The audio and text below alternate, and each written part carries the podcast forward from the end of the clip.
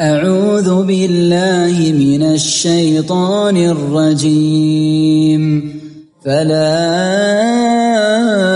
أقسم بما تبصرون وما لا تبصرون.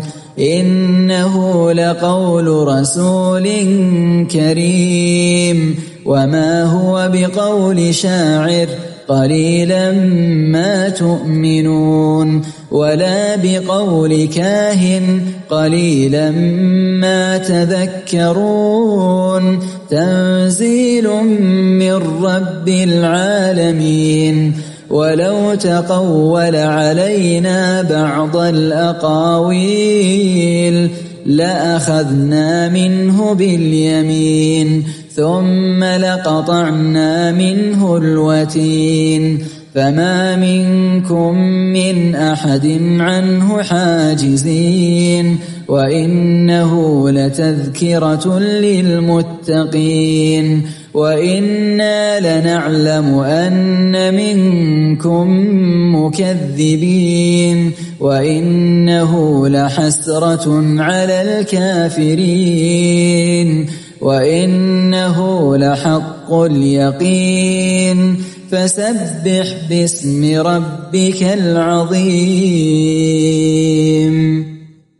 الحمد لله رب العالمين والصلاة والسلام على أشرف الأنبياء والمرسلين نبينا محمد وعلى آله وأصحابه أجمعين. أما بعد فقال الله تعالى فلا أقسم بما تبصرون وما لا تبصرون إنه لقول رسول كريم. قال بعض أهل العلم إن هذا أعم قسم لأنه إقسام بكل شيء. بالذي تبصرونه وترونه وبالذي يغيب عنكم ولا ترونه أقسم الله عز وجل به كله على كون هذا القرآن قول رسول كريم. فلا أقسم سبق معنا نظائر لهذا كما في سورة الواقعة وكما سيأتي في سورة البلد والقيامة وأن المقصود بذلك القسم ولا هنا تسمى صلة. وفيه جوابان آخران ذكرهما أهل التفسير لكن هذا هو الأشهر. فهو إثبات للقسم في صورة النفي. إنه يعني إن هذا القرآن وهذا الكتاب لقول رسول كريم.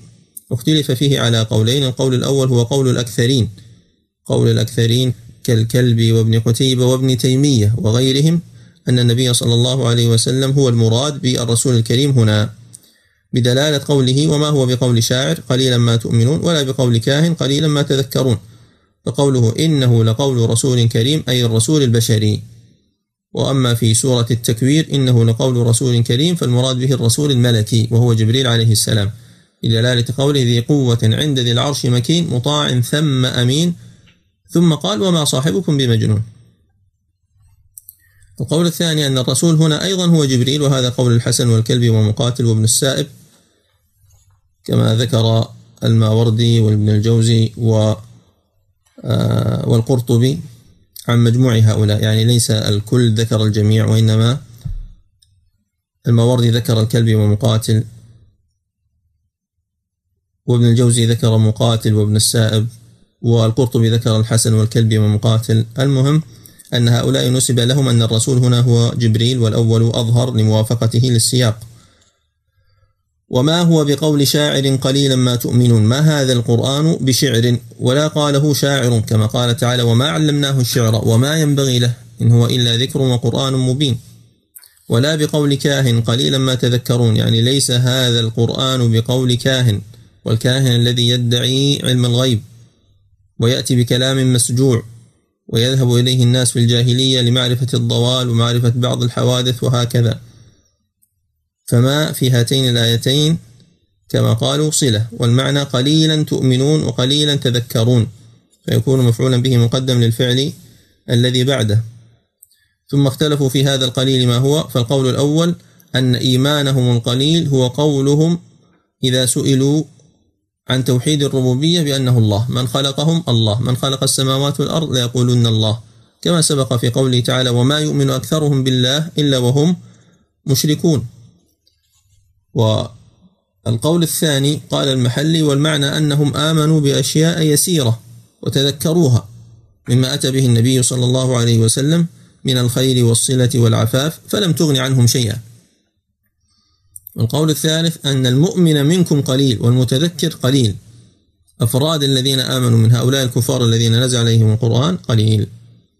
القول الرابع قليلا ما تؤمنون بأنه قول شاعر. أو تتذكرون أنه قول كاهن. وإنما تقولون ذلك بألسنتكم لا عن تصديق. فهذا القول أنتم لا تؤمنون به ولا تذكرونه إلا قليلا. وهناك احتمال خامس أن المراد لا إله إلا الله الإيمان في الشدة. فإذا ركبوا في الفلك دعوا الله مخلصين له الدين. فوقت الشدة الذي يقع منهم إيمان بإخلاص هو قليل بالنسبة لوقت الرخاء الذي يحصل منهم فيه شرك. فهذا الوقت القليل الذي آمنوا به هو الوقت القليل الذي يتذكرون ويتعظون فيه. وهنا سؤال لماذا كانت الأولى تؤمنون والثانية تذكرون؟ وما هو بقول الشاعر قليلا ما تؤمنون ولا بقول كاهن قليلا ما تذكرون؟ ما المناسبة بين شاعر تؤمنون وكاهن تذكرون؟ تفضلوا يا إخوان. محاولة. أبو محمد. ما يحضرني شيء أحسن الله عليك. طيب. آه الجواب والله تعالى أعلم لأن نفي كون القرآن قول شاعر أمر بديهي إذ ليس في هذا الكتاب ما يشبه الشعر والذي يقرأه يعرف أنه ليس بشعر. فادعاؤهم أنه قول شاعر هذا بهتان متعمد. ينادي على أنهم لا يرجى إيمانهم. فالذي يقول مثل هذا الكلام عن تعمد وإصرار واضح أنه لا يؤمن لا يريد أن يؤمن أصلا لأنه يقول كلاما كذبا. وأما انتفاء كون القرآن قول كاهن فمحتاج إلى أدنى تأمل. إذ قد يشبه في بادئ الرأي على السامع من حيث إنه كلام منثور مؤلف على فواصل. فإذا تأمل السامع فيه بأدنى تفكر في نظمه ومعانيه علم أنه ليس بقول كاهن. فليست فقراته ملتزم فيها القصر والسجع وليست معانيه إخبار عن الحوادث الخاصة أو المصائب العامة على نحو ما يذكره الكهان. فالفرق فيه ظاهر ولكنه يحتاج إلى تأمل فقيل فيه تذكرون بمعنى تتذكرون. وهذه الإجابة مستفادة من التحرير والتنوير. تنزيل من رب العالمين أي هو تنزيل من رب العالمين هو تنزيل من رب العالمين أو هذا تنزيل من رب العالمين. وفيه دلالة على علو الله عز وجل وفيه دلالة على كون القرآن منزلا وليس بمخلوق وأنه كلام الله ابتداء. فهنا تأتي مسألة مهمة. ألا وهي وهي متعلقة أيضا بالآيات التي بعدها فلعلنا نشرح الآيات التي بعدها ثم نذكر هذه المسألة. وإنه أي هذا القرآن نعم. وهذا القرآن تنزيل من رب العالمين. ولو تقول علينا بعض الأقاويل يعني لو تكلف القول علينا بما لم نقله وأتى علينا محمد صلى الله عليه وسلم ببعض الأقاويل وليس بأقاويل كثيرة لأخذنا منه باليمين ثم لقطعنا منه الوتين. وهذه من أدلة صدق نبوته وأنه مكث الدهر الطويل. يقول هذا كلام الله وأوحى الله إلي بكذا ومع ذلك لم يؤخذ. ولم يعاقب عقوبة كما عوقب من ذكر في أول السورة من من عاد وثمود وفرعون وغير ذلك ممن ادعى الربوبية وكذب على الله. وبل يزيد أتباعه وينتصر على مخالفيه ويظهر الله عز وجل على يده الآيات. فهذه من أدلة صدقه ومن ومن أدلة كونه لم يتقول وإنما أتى بالقرآن من عند الله عز وجل وحيا وبلغه وأداه كما أمر. وإلا فهذه الآية من أظهر وأوضح الأشياء على ذلك. هل يوجد إنسان يقول على نفسه كذبا وزورا مثل هذا الكلام؟ أنني لو تقولت لأخذ مني باليمين ولقطع مني الوتين. لأخذنا منه باليمين فيه أقوال. القول الأول بالقوة والقدرة. يعني لأخذنا منه نعم. طيب. وهناك شاهد على هذا القول وعلى القول الآخر الذي سيأتي بعد قليل. في قول الشماخ قال رأيت عرابة الأوسي يسمو. إلى الخيرات منقطع القرين. إذا ما راية رفعت لمجد تلقاها عرابة باليمين. إذا بلغتني وحملت رحلي عرابة فاشرقي بدم الوتين. فقوله عرابة باليمين شاهد على قوله لأخذنا منه باليمين. وقول فاشرقي بدم الوتين. شاهد لي لقطعنا منه الوتين. وقد ذكر ابن حجر عرابة الأوسي في ضمن الصحابة في كتابه الإصابة. إذا هذا هو القول الأول يعني أخذنا منه بالقوة والقدرة وهو الذي ذكره آه، وهو الذي جاء عن ابن عباس. ذكره الطبري والبغوي والقرطبي وغيرهم عامة المفسرين على هذا القول. القول الثاني أن المراد باليمين أي الحق لأخذنا منه بالحق كما قاله السدي والحكم. والثالث لأخذنا منه بيمينه يعني بيده اليمنى قطعناها له وأخذناها منه كما قال الحسن. والقول الرابع لقبضنا بيمينه عن التصرف وكففنا يده كما قاله نفطوية أو نفطوي. فتبين أنها ليست من آيات الصفات.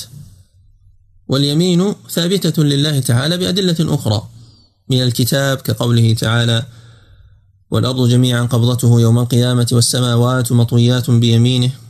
ومن السنة كقوله عليه الصلاة والسلام إن المقسطين عند الله على منابر من نور عن يمين الرحمن عز وجل وكلتا يديه يمين.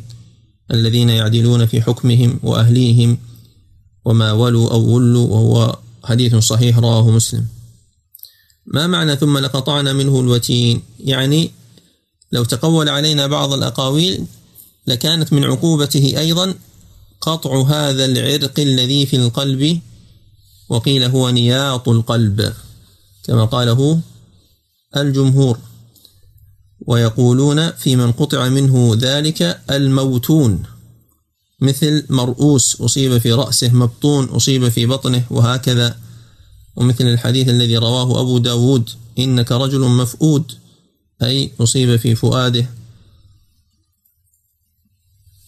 فلقطعنا منه الوتين فهذا تهديد شديد وفي هذه الآيات رد على الذين يقولون إن كلام الله تعالى معاني نفسية رد عليهم لماذا؟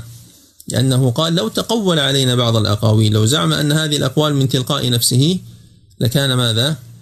لكانت له هذه العقوبة فإن قال قائل هذا يتعارض مع إنه لقول رسول كريم يعني الذين يقولون بأن هذا القرآن من كلام جبريل أو من كلام النبي صلى الله عليه وسلم والمعاني من الله تعالى وأن الله لا يتكلم بحرف ولا بصوت قد يتمسكون بإنه لقول رسول كريم مع أن السياق فيه رد عليهم. لو كان الذي أنشأه هو الرسول الكريم هو جبريل فكيف سينشئه النبي صلى الله عليه وسلم؟ وإن كان الذي أنشأه هو النبي صلى الله عليه وسلم فكيف سينشئه جبريل؟ أو أنهم تواطؤوا على الإتيان بهذه الحروف؟ فهذا الكلام قد رده أبو العباس بن تيمية وقال بأن نسبة الكلام للنبي صلى الله عليه وسلم هي نسبة بلاغ وأداء وإلا فالكلام هو كلام الله عز وجل. ولو قال قائل بأن هذا قول البشر لشابه قول الوحيد الذي أصلاه الله سقر كما في سورة المدثر. فإن قال قائلهم الوحيد جعل الجميع قول البشر الألفاظ والمعاني.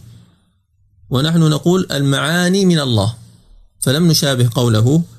قال ابن تيمية يقال لهم هذا نصف قول الوحيد. وهو باطل من وجوه. ذكر الوجه الذي سبق وهو أن لا يمكن أن يجتمع اثنان في الإتيان بالقول فإما أن يكون قول هذا أو قول ذاك.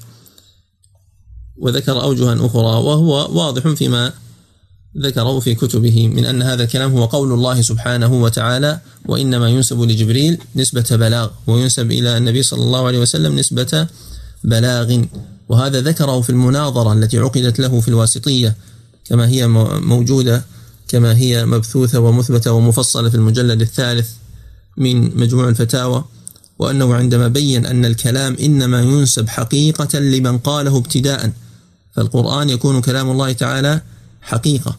وإنما يضاف لمن قاله ابتداء حقيقة ومن قاله بلاغا ينسب إليه ينسب إليه مجازا.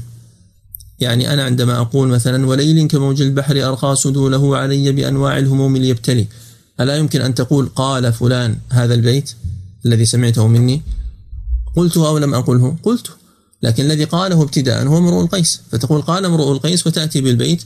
وتقول قال فلان وتأتي بالبيت. ففلان قاله نقلا وامرؤ القيس قاله ابتداء لأنه هو صاحب البيت. فأبو العباس بن تيمية لما شرح لهم في مجلس المناظرة هذا الكلام استحسنوه وعظموه. استحسنوا هذا الكلام وعظموه. قال سبحانه وتعالى فما منكم من أحد عنه حاجزين. لو حصل ذلك الشيء لما كان أحد منكم مانعا وحاجزا من وقوع تلك العقوبة به. وإنه لتذكرة للمتقين. وإنه لتذكرة للمتقين. يعني إن هذا القرآن فيه موعظة وفيه فائدة وحياة لقلوب أهل التقوى. وإنا لنعلم أن منكم مكذبين. يعني نعلم أن منكم من سيكذب بعد هذا البيان وبعد هذه الحجج وبعد هذا التفصيل. مع كونه حق واضح لكن سنعلم أن منكم من سيصر ويكذب. يا معشر الكفار وإنه لحسرة على الكافرين. هذا القرآن فيه حسرة أي ندامة على الكفار. من أي جهة؟ من جهات كثيرة. منها أنهم يقرؤون فيه تقريعهم وتوبيخهم ودحض حجتهم والتحدي لهم ومع ذلك لا يستطيعون أن يفعلوا شيء فيتحسرون ويتندمون. ومنه أنه يبين ما هو ثواب المؤمنين وثواب المتقين فتظهر لهم الحسرة يوم القيامة. إلى غير ذلك من أوجه الحسرة وقد تكون الحسرة واقعة على المخاطب كقوله تعالى يا حسرة على العباد ما يأتيهم من رسول إلا كانوا به يستهزئون. فهنا الحسرة يعني تحسر على العباد. وقد تكون واقعة على المتكلم مثل يا حسرة على ما فرطت في جنب الله. يتحسر الإنسان. يا حسرة هذا زمانك فأقبلي على من جعله يا ندى أو يا تنبيه. على القول الآخر. وإنه لحق اليقين. يعني إن هذا القرآن حق ثابت لا مرية فيه واجب كما سبق في أول هذه السورة الحاقة أي القيامة وحق اليقين هو القرآن أو هو الخبر الذي تقدم بخصوصه. فسبح باسم ربك العظيم إما أنه التنزيه بالتسبيح المعتاد أو أنه الصلاة له سبحانه وتعالى. وهنا نسأل سؤالا فيما يتعلق بهذا المجلس وهو ورد أن عمر بن الخطاب رضي الله عنه سمع من رسول الله صلى الله عليه وسلم آخر سورة الحاقة قبل أن يسلم. فما أثر ذلك عليه؟ وما درجة أو صحة هذه القصة؟ الذي يتوصل منكم لإجابة يرسلها في المجموعة. وكان سؤال المجلس الماضي